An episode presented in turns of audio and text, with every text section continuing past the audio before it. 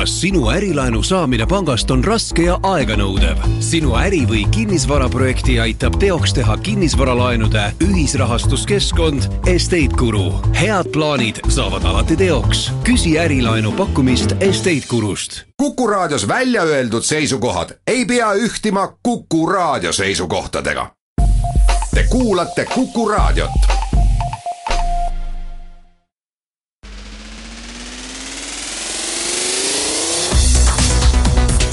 Muuli ja Samost. muuli ja Samost.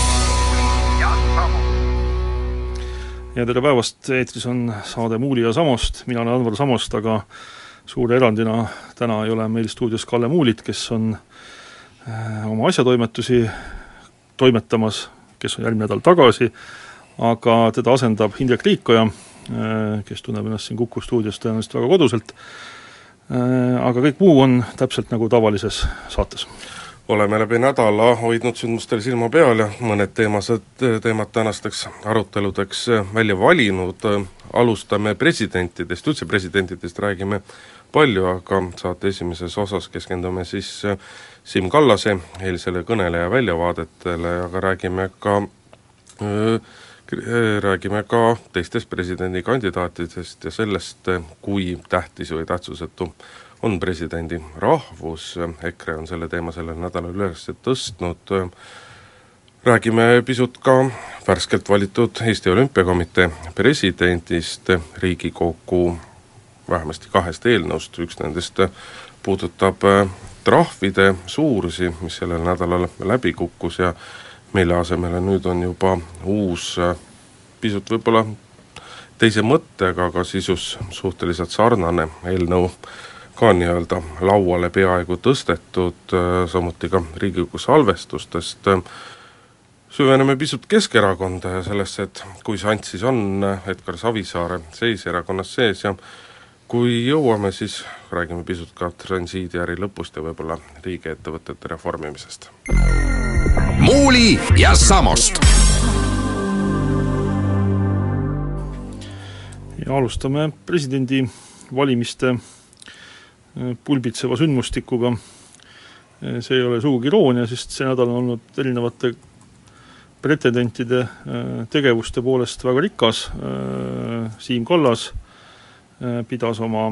kampaania avakõne eile. Käisin ka ise seda vaatamas, loodetavasti kuulajatel on olnud võimalus seda kõnet lugeda, kõigepealt sellest kõnest rääkides võib-olla kõige võib-olla sa ennem kõnet mõne sõnaga markeerid, mina ei saanud kahjuks eile kuulama tulla, kuigi kutse oli laekunud, aitäh selle eest, aga mis inimesed seda kõnet seal kohapeal kuulasid? no see on selles ka on, nagu mingit märki? sealt võis midagi lugeda välja jah, et mina sellise vanema ajakirjanikuna juba äh, Äh, pole tükk aega näinud nii palju tuttavaid nägusid kuskilt sealt üheksakümnendate algusest ja noh, võib küsida, et noh, see oli see nii-öelda Reformierakonna vana kaardivägi asutajad, Siim Kallase äh, põlvkonnakaaslased enamasti, aga oli ka teisi tolle aja ühiskonnategelasi, et võib ju, võib ju küsida, et, et kas see on hea või halb, eks ju, et et see seltskond oli seal pigem selline äh, vanem, kuigi oli kindlasti ka noori inimesi. Noh, tavaliselt poliitikas üritatakse näidata sellist dünaamikat ja nooruslikkust ja, ja, ja Eesti ja kogu maailma poliitika häda on see, et poliitika pakub huvi pigem vanematele inimestele. aga nüüd, kui mõtleme Eesti presidendivalimiste konteksti peale, siis noh, esiteks juba presidendivalimistel on vanusetsensus, mis ütleb, et alla neljakümne aasta ei saagi presidendiks kandideerida, et, et võib-olla, et see seltskond mingis mõttes äh, noh, oligi, oligi üsna, üsna, üsna õige seltskond seda äh, kõnet nii-öelda taustana ümbritsema, kuigi, kuigi ja, ja muidugi ma ei tea, et äh, mil määral siis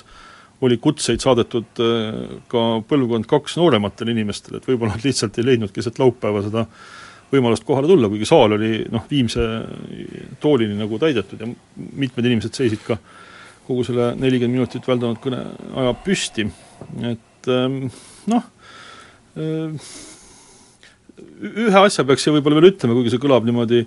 mingis mõttes võib-olla halvasti, et, et Siim Kallas, tema sünniaasta on ka, jääb neljakümnendatesse aastatesse ja ta ei ole kõige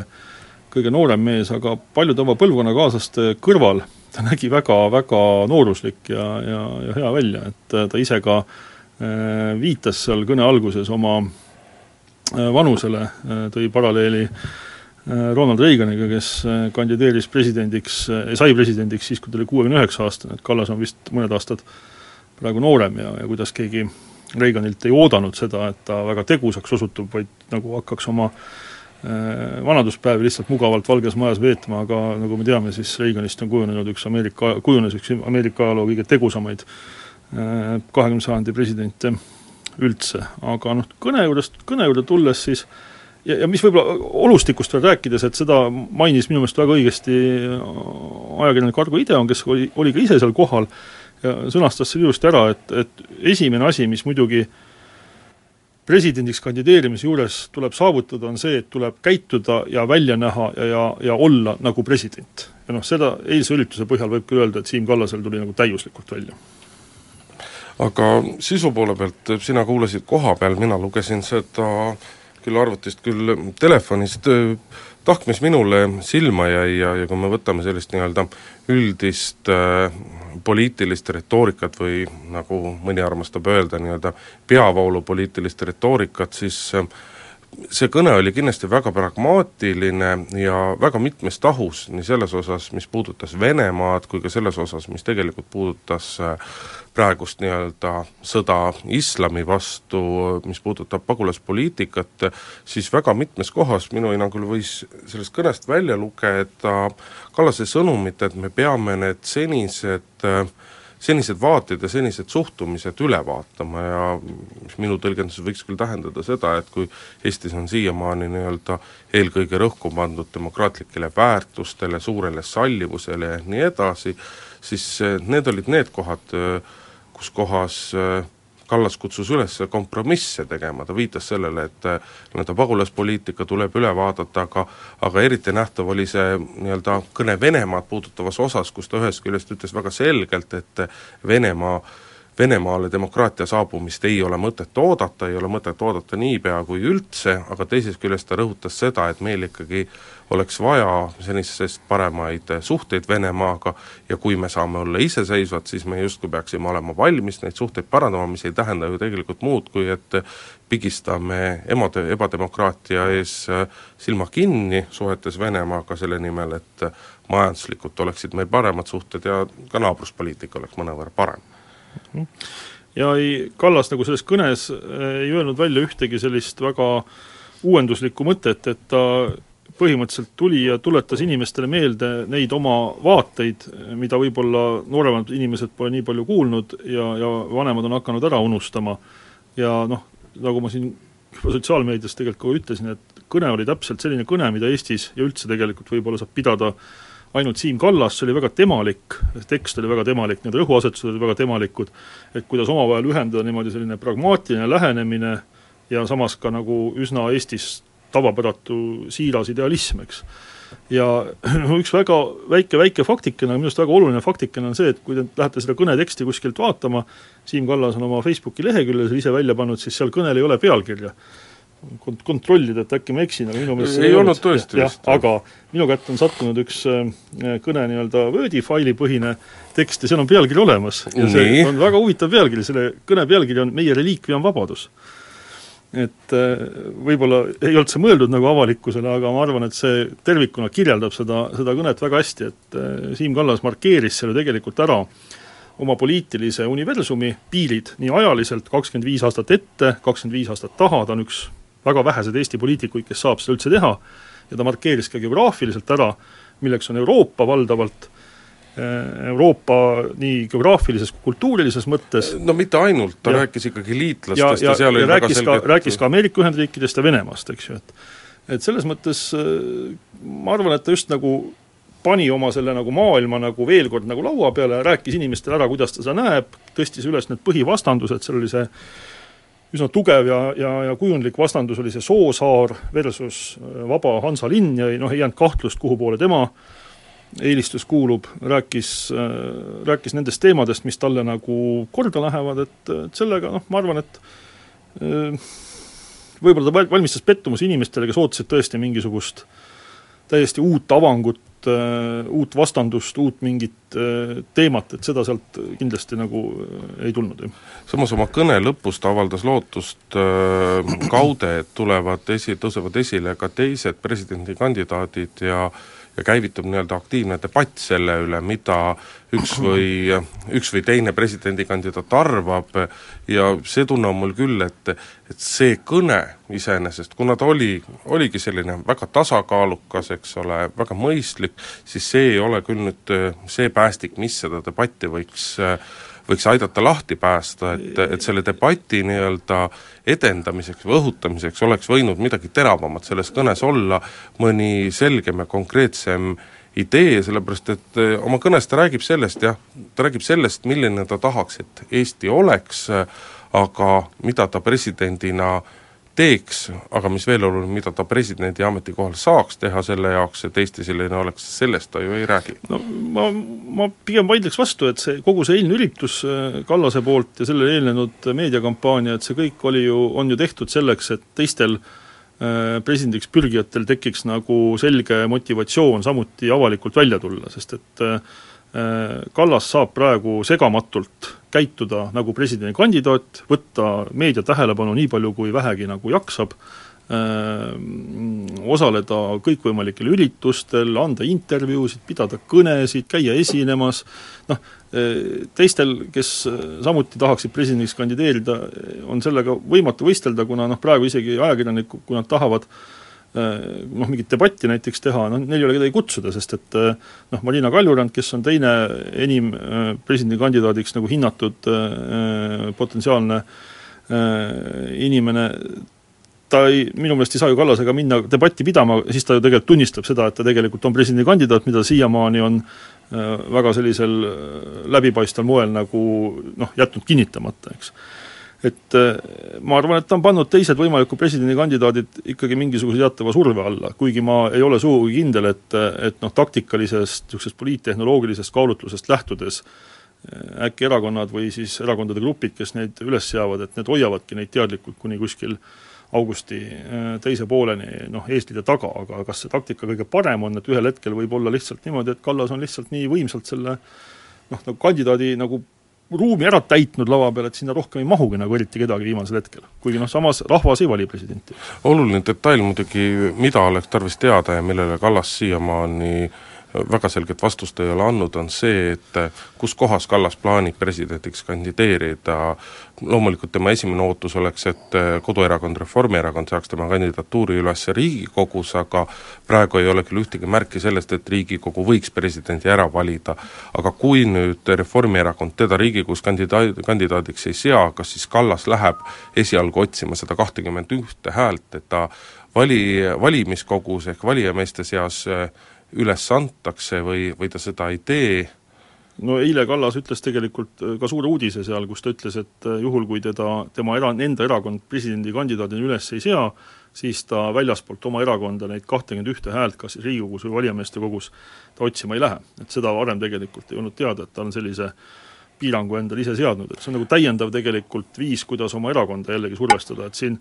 on ajakirjandus juba lugenud Reformierakonna juhatuse liikmeid eh, ühte ja teise leeri niimoodi jaotanud, sel nädalal Päevaleht tegi seda, eh, noh, ma olen ka ise siin vaadanud Reformierakonna juhatuse koosseisu ja niimoodi siin näppude peal jaotanud neid, et kes võiks ühte või teise leeri kuuluda ja konsulteerinud siin teiste äh,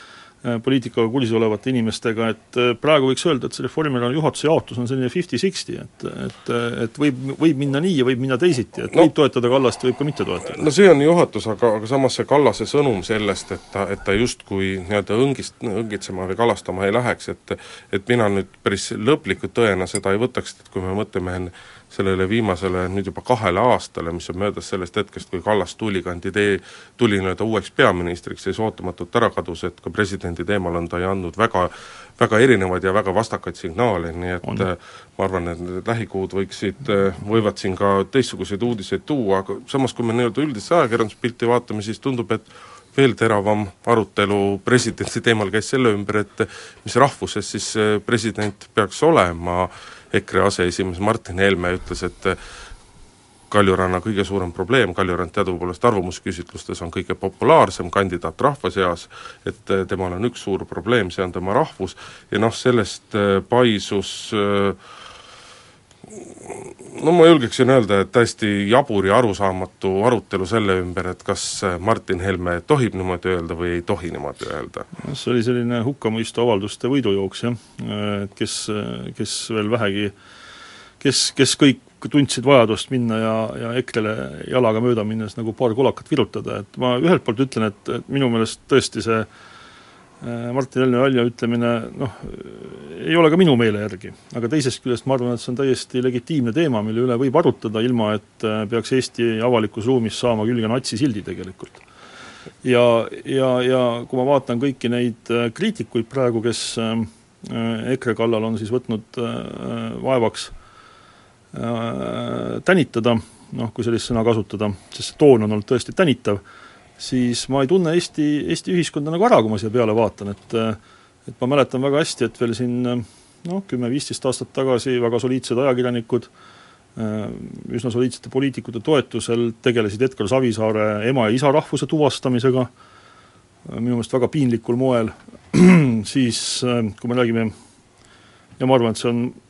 vajalik ära öelda, et kui me räägime president Ilvesest, siis president Ilves, ma arvan, kuskil äh, kas oli kahe tuhande kümnendal aastal või, äh, ütles, et vene keel on, äh, ma täpset sõnastust ei mäleta, aga mõte oli see, et vene keel on okupatsioonikeel, see oli vist juba ennem kahe tuhande juba oli kahe tuhande kaheksandal aastal, et äh, kes tahab, vaatab jällegi, et, et ma, ma, ma arvan, et kõike seda arvestades siis vähemasti osa nendest hukkamõistjatest on kindlasti olnud üsna äh, silmakirjalikud, aga mis äh, veel noh, tegelikult halvem on see, et nad on EKRE toetuse protsentide kasvule jälle noh, sellise ma arvan, küllaltki äh, olulise lisahoo andnud. jah, kui meil siin räägiti, räägiti teemast kasulikud idioodid Kaitsepolitsei aastaraamatu kontekstis, siis siin on EKRE küll osanud päris osavasti teha nii-öelda oma kriitikutest iseenda kasulikud idioodid selles kontekstis ja ja, ja mis on nagu kummaline, et needsamad inimesed, kes EKRE-t ja, ja eelkõige Martin Helmet kõvasti kritiseerivad, nad ju armastavad kogu aeg rääkida demokraatlikest väärtustest ja selle olulisusest ja mis siis muu kui mitte sõnavabadus on see, mida, mida Martin Helme eh, selliseid lausungeid tehes ära kasutab, et need, need mõtted võivad meile meeldida või mitte meeldida, aga Martin Helmel on igasugune õigus seda öelda, seda on tehtud Eesti riigis eh, kogu aeg varem, eh, loodetavasti tehakse ka edaspidi, öeldakse ka selliseid asju ja eks siis ongi nii-öelda valija asi valimispäeval valimiskasti juures otsustada, et millised seisukohad talle meeldivad ja millised mm -hmm. mitte, aga kui me tänasel hetkel keelame Martin Helmel öelda seda, mida tema niimoodi arvab, siis keda ja mida me järgmisel päeval hakkame mhm. keelama ma ühe asja tahaks veel, enne kui me aja, ajaga lõplikult siin umbe lähme, öelda selle presidendivalimiste kontekstis, et tegelikult Marina Kaljurannal oli samuti üks väga oluline kampaaniasündmus, sel nädalal välisministrina käis ta Iraanis, tõsi küll, äh, vähemasti mulle on jäänud arusaamatuks, milleks oli vaja Eestil sellist äh, väga kõrgetasemelist äh, Iraani visiiti,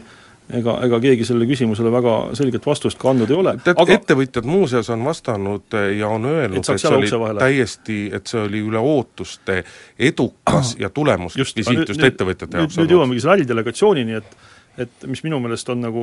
olulisem kui presidendi rahvus, on küsimus sellest, et äh, keda tulevane presidendikandidaat äh, välisministrina oma äridelegatsiooni kaasa võtab, et ärge tulge mulle rääkima, et välisminister ei saa öelda, kes kuuluvad tema poolt juhitavasse delegatsiooni ja kes ei kuulu. Ja see, et sinna kuulus Neinar Seli, kes no, on mõni kriminaal, mõni reformierakondlane. nagu süüdi mõistetud, eks ju, et see on juba minu jaoks nagu tegelikult äh, väga suur küsimärk, seda enam, et Marina Kaljurand pole leidnud võimalust seda kuidagigi kommenteerida, ehkki ma usun, et ajakirjanikud on seda sel nädalal korduvalt küsinud, ja nagu sellest veel vähe oleks, siis leidus seal äh, delegatsioonis ka ühe piimapulbri ekspordifirma juht, kes andis Postimehele intervjuu, kus ta teatas, et jah, Iraan on täiesti teistsugune maa, et siin on väga suured äh, kulud äh, korruptsioonile, aga meil on eelarves juba ette nähtud vastav osa rahast, et hiljem küll läks seda ümber lükkama, kui see avalikuks noh, kui avalik reaktsioon muutus ebasoodsaks, aga ka see on asi, mille kohta tegelikult ma nagu mõtlesin, et kas, kas nagu see ei vajaks nagu välisministri mingisugust kommentaari või vähemasti äh, Välisministeeriumi kommentaari, mis oleks enamat kui, kui see mingisugune segane lause, mis sealt nagu tuli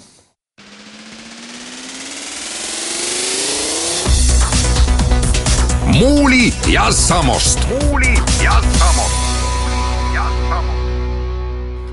ühe presidendi Eesti endale sellel nädalal aga juba sai, nimelt olümpiakomitee verivärskeks presidendiks äh, valiti ülinapi häälteenamusega ettevõtja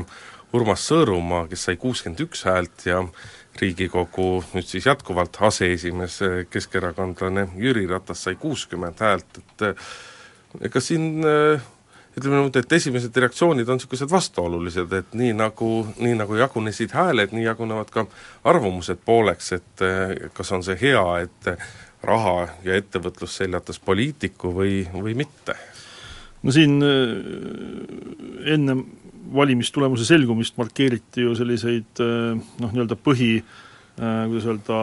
kuvandeid nende kolme kandidaadi puhul, et siis Urmas Sõõrumaa oli nagu siis äh, ettevõtluse või raha esindaja, Jüri Ratas oli väga selgelt poliitiline kandidaat, kelle poliitiline toetus oli palju laiem kui tema enda Keskerakond, vaid tema eest tegid äh, kampaaniatööd ka Reformierakonna ja Isamaa Res Publica Liidu ja võib-olla ka sotsiaaldemokraatide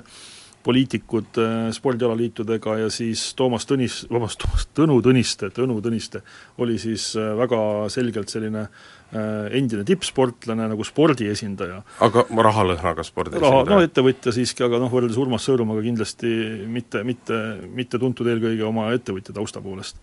ja mm, noh, kui me nüüd vaatame, et mis oli selle võitja Urmas Sõõrumaa siis see lõplik kandepind, siis tegelikult noh, äh, objektiivselt peab ütlema, et see oli ikkagi väga lai, kuna tema äh, võit, nagu ma aru saan, tuli suuresti tänu Tõnu Tõniste toetusele sealsamas äh, valimiskoosolekul, kus ta kutsus äh, äh, valijaid valima, kes teda, kes olid teda e-, esimeses voorus valinud valima, valima Sõõrumaad, aga noh, samas me oleme Sõõrumaad näinud ka siin tegelikult seismas end-, eelmise olümpiakomitee presidendi Neinar Seli kõrval, kui Neinar Seli andis siin nädal aega tagasi kätte mingeid noorsportlaste äh, preemiaid, mis kindlasti ei olnud juhus ja, ja lõpuks ma olen kuulnud ka seda, et äh, ja mis vastab vist tõele, et Urmas Sõõrumaa äh, kasuks äh, olid kampaaniatööd tegemas ka olümpiakomitee kõrgemad palgalised ametnikud nii et noh, selles mõttes nagu on loogiline, et Urmas Sõõrumaa selle valimiskampaania nagu võitis, kuna tema toetus tundus olevat kõige laiapinnalisem. mis pisut segaseks jääb kõrvalt vaadates, on see, et Neinar Sellile väga palju, väga paljud heitsid ette seda, et ta küll ei võtnud presidendi koha eest palka erinevatest, erinevate eelmistest presidentidest, aga ega ta nii-öelda täiskoormusega sellele tööle ei pühendunud ja kui vaadata Urmas Sõõrumaa esimesi väljaütlemisi, siis siis tundub see asi minevat sama rada pidi, ikkagi Urmas Sõõrumaal on hulk ettevõtteid, mis tahavad ka nii-öelda pilgu peal hoidmist. Ja noh, teine pool, mis on, tahtmata minna persoonidesse, aga aga kui oodata, oodata mingisugust, lubada suuri muutusi olümpiakomitee töös, siis kuidas neid muutusi saab tulla nii-öelda senise palgalise töötajaskonna ja, ja palgalise juhtkonna jätkumisel, siis see jääb selles mõttes äh, pisut, äh, pisut keeruliseks. no olemata nüüd suur olümpiakomitee ja, ja nende olümpiakomitee liikmete asjatundja äh,, olles lihtsalt vaadanud seda valijate nimekirja ja nüüd vaadanud ka näiteks seda uuesti valitud olümpiakomitee täitevkomitee nimekirja, siis kõige loogilisem selgitus ongi see, et needsamad Eesti spordi äh, tippjuhid siis valisid olümpiakomitee presidendiks kellegi, kes lubas selle olemasoleva staatus quo suurtes piirides nagu jätkumist, et sedasama Neinar Seli liini jätkumist ja, ja noh, ka tegelikult selle öö, äh, olemasoleva kultuuri jätkumist olümpiakomitees, sest kui me vaatame täitevkomitee, uue täitevkomitee koosseisus, me leiame sealt Mati Alaveri, me leiame sealt Oliver Kruda, me leiame sealt Mihhail Kõlvarti, veel igasuguseid huvitavaid nimesid, keda võib-olla äh, mõnes teises kontekstis, mõnes teises organisatsioonis, mingist, mingitel teistel valimistel ei valitaks mitte kuhugi, et kellega enda seostamine oleks tegelikult nagu selline negatiivne äh, asi, aga noh, ütle otse aga... välja, et pisut palju on inimesi, kellel on kokkupuuteid olnud, kellel Maksuametiga, kellel kriminaalpolitseiga ja kellel kaitsepolitseiga. või kellel võimalik dopinguga, eks ju, et, et selles mõttes nagu ma arvan, et äh, on saanud selgeks, et mis need, mis see kultuur ja mis need väärtused on, mida tänane Eesti Olümpiakomitee kannab ja, ja ma arvan, et see olümpiakomitee uus president on täpselt õige mees nende väärtustega nagu edasi minema. muuli ja Samost ja igaks juhuks äh, ütlen neile, kes on siin saadet vahepeal kuulama hakanud, et äh, mina olen jätkuvalt Anvar Samost ja äh, Kalle Muulit täna ei ole eetris, järgmine nädal on, aga teda asendab Hindrek Liikoja. ja räägime edasi paarist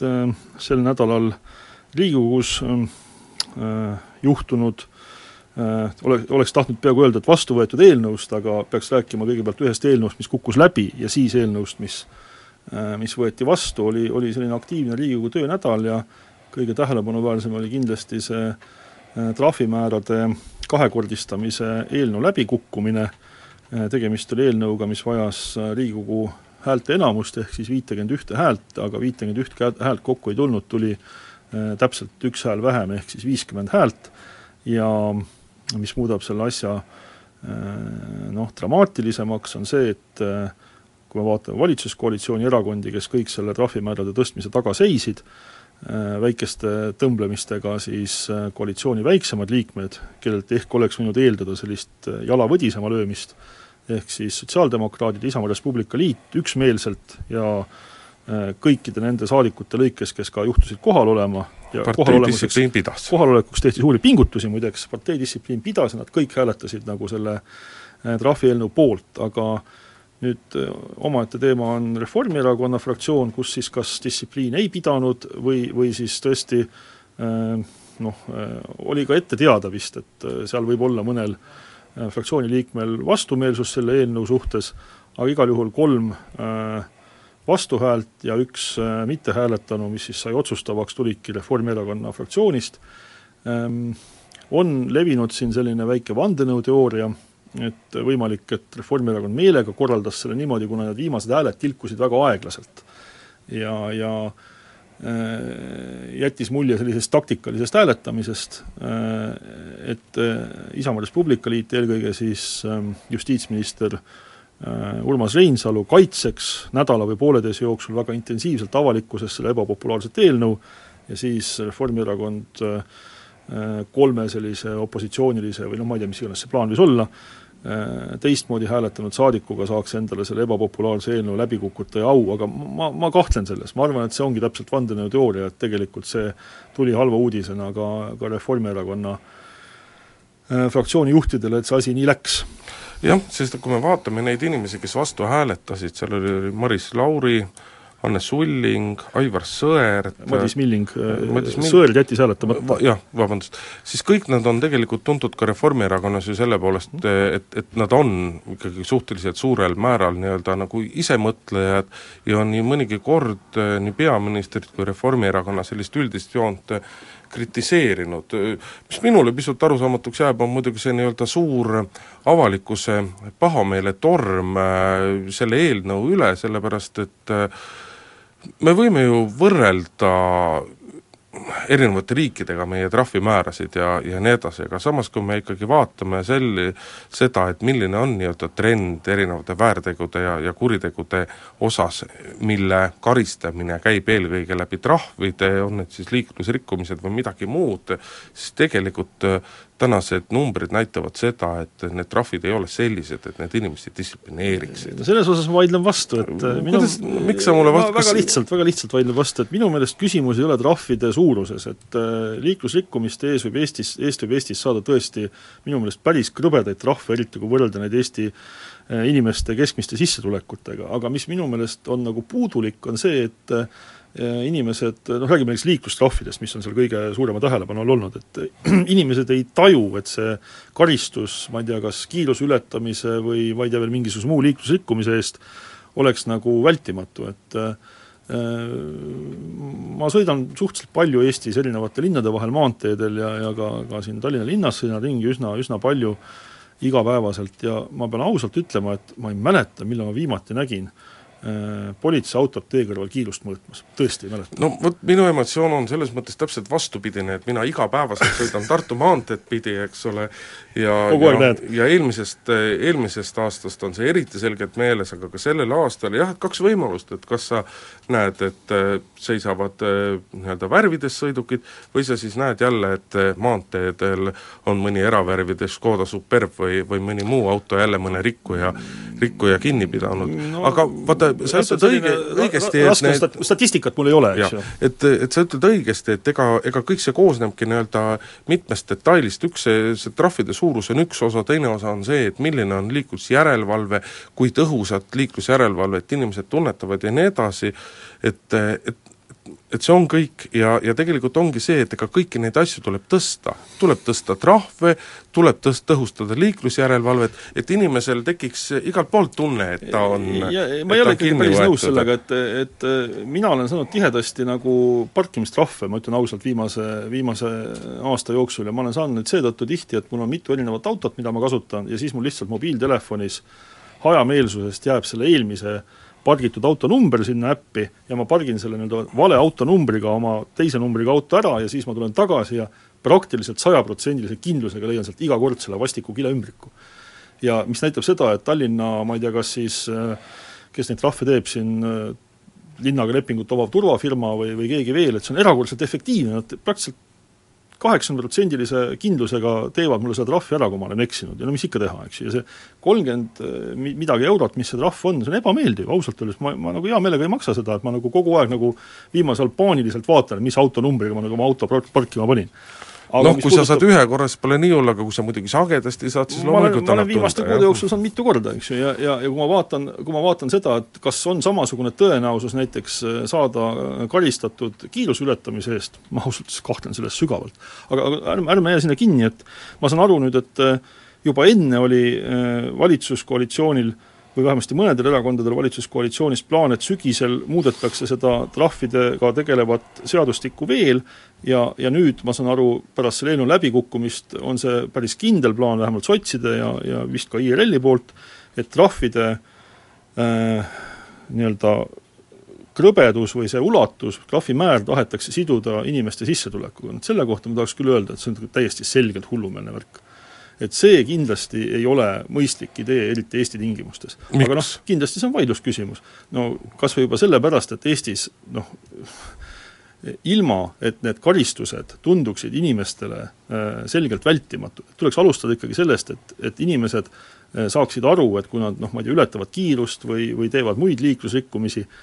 et siis see järgnev karistus tuleb, mitte et see on nagu õnnemäng, et noh, ühel juhul sajast võib-olla tuleb. Aga nii, kui see on paigast ära, hakata neid trahve viima mingitesse täiesti uskumatutesse kõrgustesse, äh, korraldama selliseid nagu näidiskaristamisi, mis kindlasti selle sissetuleku puhul nagu äh, tulevad, et, et see on minu meelest Eesti sellise olemasoleva tava ja kultuuriga ikka tegelikult täiesti sobimatu, et no need trahvid ulmelistesse kõrgustesse, meil on siin ka räägitud juba ju sellest, kuidas äh, kuidas turvavööta sõitmise eest on võimalik eh, trahvida kaheksasaja euroga ja no, nii edasi, eks ole, no põhimõtteliselt küll, aga juba täna käib see süsteem ju sedapidi, et on olemas nii-öelda ette seatud trahviraed ühe või teise rikkumise eest, aga politsei nii-öelda trahvi määrates ta, ta alati arvestab erinevaid asjaolusid ja nii-öelda maksimumtrahvi tehakse no, pigem harva kui, kui sageli ja, ja samamoodi, samamoodi saab see olema ka siis, kui kui kas pannakse trahvide suurused sõltuma inimese sissetulekust või siis lihtsalt tõstetakse trahvimäära, nagu see siiamaani plaanis oli, et selles mõttes ei, ei, ei tohi nagu üle utreerida, et tänasel hetkel on ikkagi jäetud politseinikele teatud vabadus nii-öelda trahvi määramisel, trahvi suuruse arvestamisel, see vabadus ei kao ju ka edaspidi kuhugile ära. Ja tegelikult on see, on see selles mõttes väga oluline vabadus politseinike jaoks, et et ega võibki ka liikluses, näiteks liikluses eksida või väga erinevat erinevatel põhjustel. aga see on kõik täiesti õige jutt, ega selle vastu ma kindlasti ei vaidle, ma, ma arvan, et see on mõistlik ja hea jah ja, aga see, see retoorika, mis meil viimastel nädalatel on valitsenud, eks ole, see justkui nii-öelda unustab eh, selle suhtumise täiesti ära ja nii-öelda keerab selle asja äärmusesse, teatud mõttes nii-öelda tehakse EKRE-t, pingutatakse nõus, igas nõus, asjas kohutavalt nõus, üle, et kas see on see, mis aga, meid tegelikult edasi viib? kas nüüd nende trahvide sidumine inimese sissetulekuga ei olegi see kõige ehtsamas mõttes äärmusesse minek, et tegelikult neid riike maailmas, kes vastavat äh, noh, nii-öelda korraldust rakendaksid, et neid just ülemäära palju ei ole. ja, ja kui me vaatame, et kas need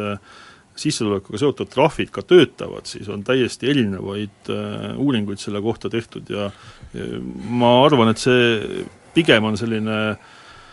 noh no see on kahe otsaga asi, vaata populistlik see... ja, ja, ja, ja no ma arvan, et ka klassiviha nagu õhutav tege-, tegevus. jah, aga vaata teatud mõttes teeb see trahvid taskukohasemaks nii vaesematele kui rikkamatele ära, ära ja seeläbi ära nüüd muretse, ära muretse, ega trahvimäär sellest kellelegi ei lange. et selle ja, ja, ja seeläbi tegelikult nii-öelda riigisektor väitku valitsus, mida ta tahab, väga selgelt on see Saab trahvid üks, just üks meetod riigikassat täita ja nii-öelda see tõhustab raha see, see, see muidu veel üks asi, mis ma tahtsin trahvide kohta kohta öelda, et see on tõesti hämmastav, kuidas äh, poliitikud aastaga suudavad musta valgeks keerata, äh, täpselt aasta tagasi oli meil siin koalitsioonileping laua peal, koalitsioonilepingu juurde kuulus üks kaunis Exceli tabel ridade kaupa, kus olid selgitused juures, summad ja selle tabeli äh, ainukene mõte oli ära näidata uute kulude katteallikad, see oli katteallikate tabel ja seal oli, seal oli see rida oli... nimega trahvimäärade tõus, kus oli nagu alkoholiaktsiis, tubakaaktsiis, ja, ja nüüd ole. tulla avalikkuse ette rääkida, sellist mõtetki pole kunagi olnud, andke andeks, on piinlik.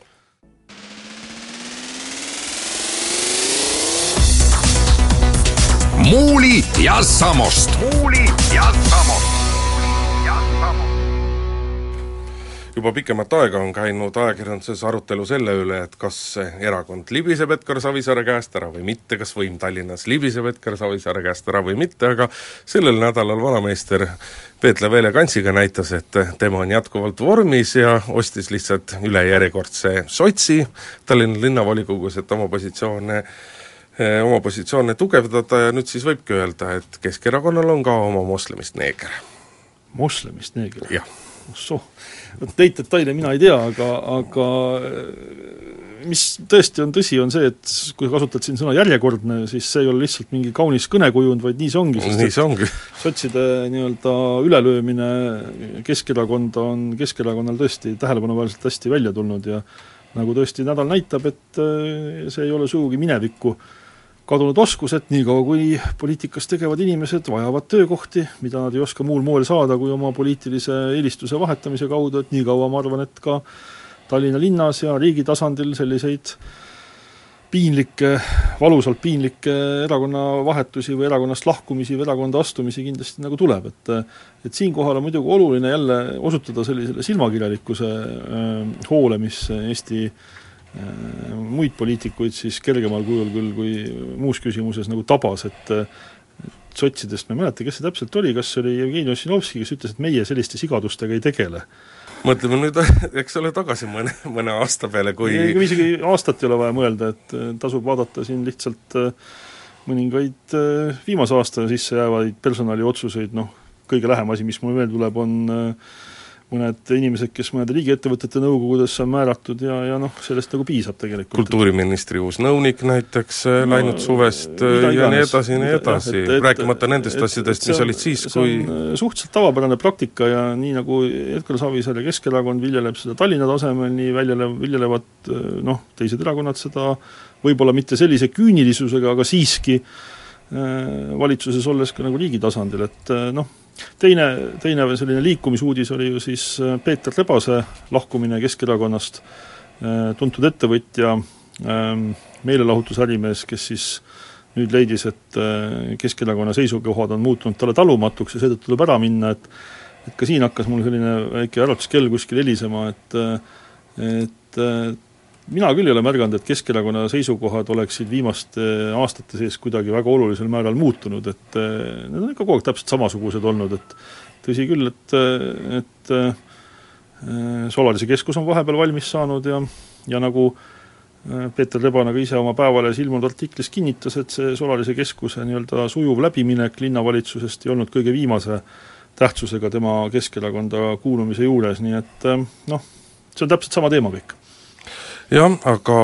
põhiline jah, mis minu arust siiski on oluline, on see, et, et Edgar Savisaart on Eesti poliitilises maastikult eh, ilmselgelt vara veel maha matta, et kõige varem saab seda teha. Võib-olla siis tema suhtes, eh, tema suhtes negatiivne kohtuotsus, eh, aga, aga, aga seda, et Keskerakonnas võiks väga tugevalt võim muutuda, seda ei saa välistada, aga see oleks ikkagi väga üllatav areng no,. Üks asi võib-olla veel sellest nädalast, mis puudutab Edgar Savisaare positsiooni ja seda Keskerakonna sisest võimuvõitlust, et Jüri Ratase mittesaamine olümpiakomitee presidendiks oli, ma arvan, Edgar Savisaarele pigem halb uudis, sellepärast et kui Jüri Ratas oleks lahkunud Riigikogust, siis tema asendusliige oleks olnud sealt nii-öelda Savisaare leerist ja see oleks muutnud nagu jõuvahekordi otsustaval moel Riigikogu fraktsiooni sees. veel mitte päris otsustaval moel ja tõenäoliselt aseesimeheks oleks saanud siis Enn Eesmaa, kes jah, muidugi tõsi, justkui oli nagu Kadri Simsoni leeris, aga tegelikult pendeldab no, kuskil seal kahe praegu, vahel. praegu on need hääled ikkagi neliteist, kolmteist nagu Kadri Simsoni poole peal, aga Jüri Ratase lahkumisel oleks olnud täpselt vastupidi, neliteist, kolmteist sinna Savisaare poole peale Muuli ja Samost. ja lõpetuseks vaatame tagasi ühele väga äh, kuulsusrikkale etapile või peatükile Eesti majanduse ajaloos, nimelt siis transiidiärile äh,, tänases mõistes või ütleme, tuttavaks saanud kujul on seda meil olnud kuskil suurusjärgus kakskümmend viis aastat, üheksakümne esimesest, üheksakümne teisest aastast peale, kui need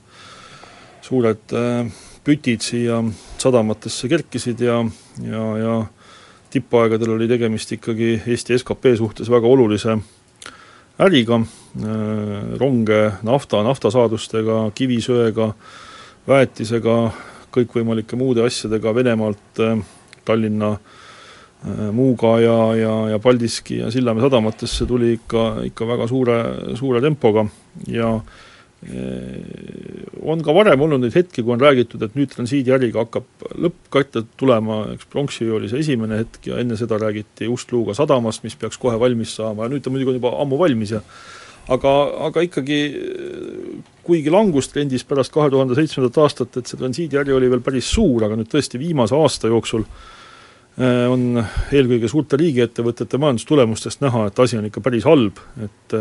Eesti Raudtee oli möödunud aastal suures kahjumis, Tallinna Sadama tulud vähenesid, ehm, Eesti Raudtee kahjum see aasta tõenäoliselt ainult kasvab, kuna nüüd äh, sel nädalal saime teada, et äh,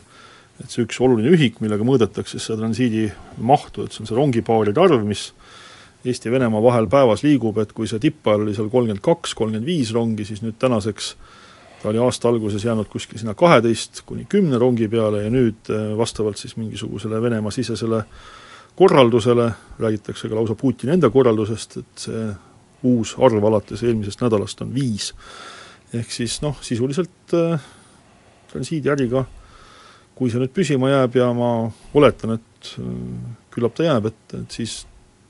ongi kõik. no ma oleksin sinust siiski pisut nagu optimistlikum ja ega erinevad transiidiettevõtjad ise ka viitavad, et et ük-, et noh, on ka väga selged nii-öelda majanduslikud põhjused, miks see nii on läinud, sest et nafta hind on, on niivõrd madal ja lihtsalt on tulusam ei kasutada tasu seda odavat asja nii kaugele vedada. just, et lihtsam on seda Venemaa enda sadamatesse vedada, et ega siin on väga palju kinni ikkagi sellises üldises äh, üldistes poliitilistes suhetes nii Eesti kui Venemaa kui ka Euroopa Liidu ja Venemaa ja et kui me saate alguses rääkisime Siim Kallasest ja tema väljaütlemistest, mis puudutasid Venemaad ja majandussuhteid Venemaaga, siis noh, päris päris lootusetu see transiidi mingisugusel kombel taastumine siiski ei ole, küsimus ennast selles, et mis saavad olla, mis on eeldusteks sellele, et, et sellel sektoril võiks paremini hakata minema ja noh, loomulikult põhiline vaidlus on muidugi ka see, et selgelt on see väga suur kaotus neile ettevõtjatele, kes transiidiäriga no, tegelesid küsimus on, kes need ettevõtjad on, et tänaseks ma ütleks, et valdavas osas selleks ettevõtjaks on riik. jah, et, et noh, mingisugustel hetkedel ju tõepoolest olid need ju kes ütleb eh, megakasumid, kes ütlevad eh, supermarginaalid eh, marginaalid olid seal kuskil seitsmekümne kuue protsendi kandis, ma mäletan. just, parematel aastatel isegi seitsekümmend kaheksa. keegi siin, keegi siin vist jah, tõi võrdluse, et kas otseselt, kui saaks raha lihtsalt vastu võtta, et oleks kassaluuk, kus raha vastu võetakse, et kas õnnestuks marginaali nii kõrgeks viia. just, et aga põhiline küsimus on see alati, et et kui suur ikkagi nii-öelda tulu oli riigile ja, no, sellest, et kahtlemata oluline, aga nii, kui suur ja kui määrav? otseselt kui kaudselt see kindlasti oli väga suur tulu, et kui me vaatame kas või neid dividende, mida Tallinna Sadamast on võetud ja, ja kui me vaatame neid töökohti ja makse, mida on makstud, et seda on palju, aga aga praegu tundub, et riik peab hakkama Eesti Raudteele, noh ta juba maksab tegelikult peale, et see infrastruktuuri korras hoida ja see, see infrastruktuuri korrashoidmise kulu, ma arvan, hüppab nüüd ta on, ta lihtsalt kolib üle riigi taskusse ja noh, see ei ole väike raha aga siinkohal peame tänase saate otsad kokku tõmbama, stuudios olid Anvar Samaste ja Hindrek Riikoja, aga järgmisel nädalal juba uued teemad.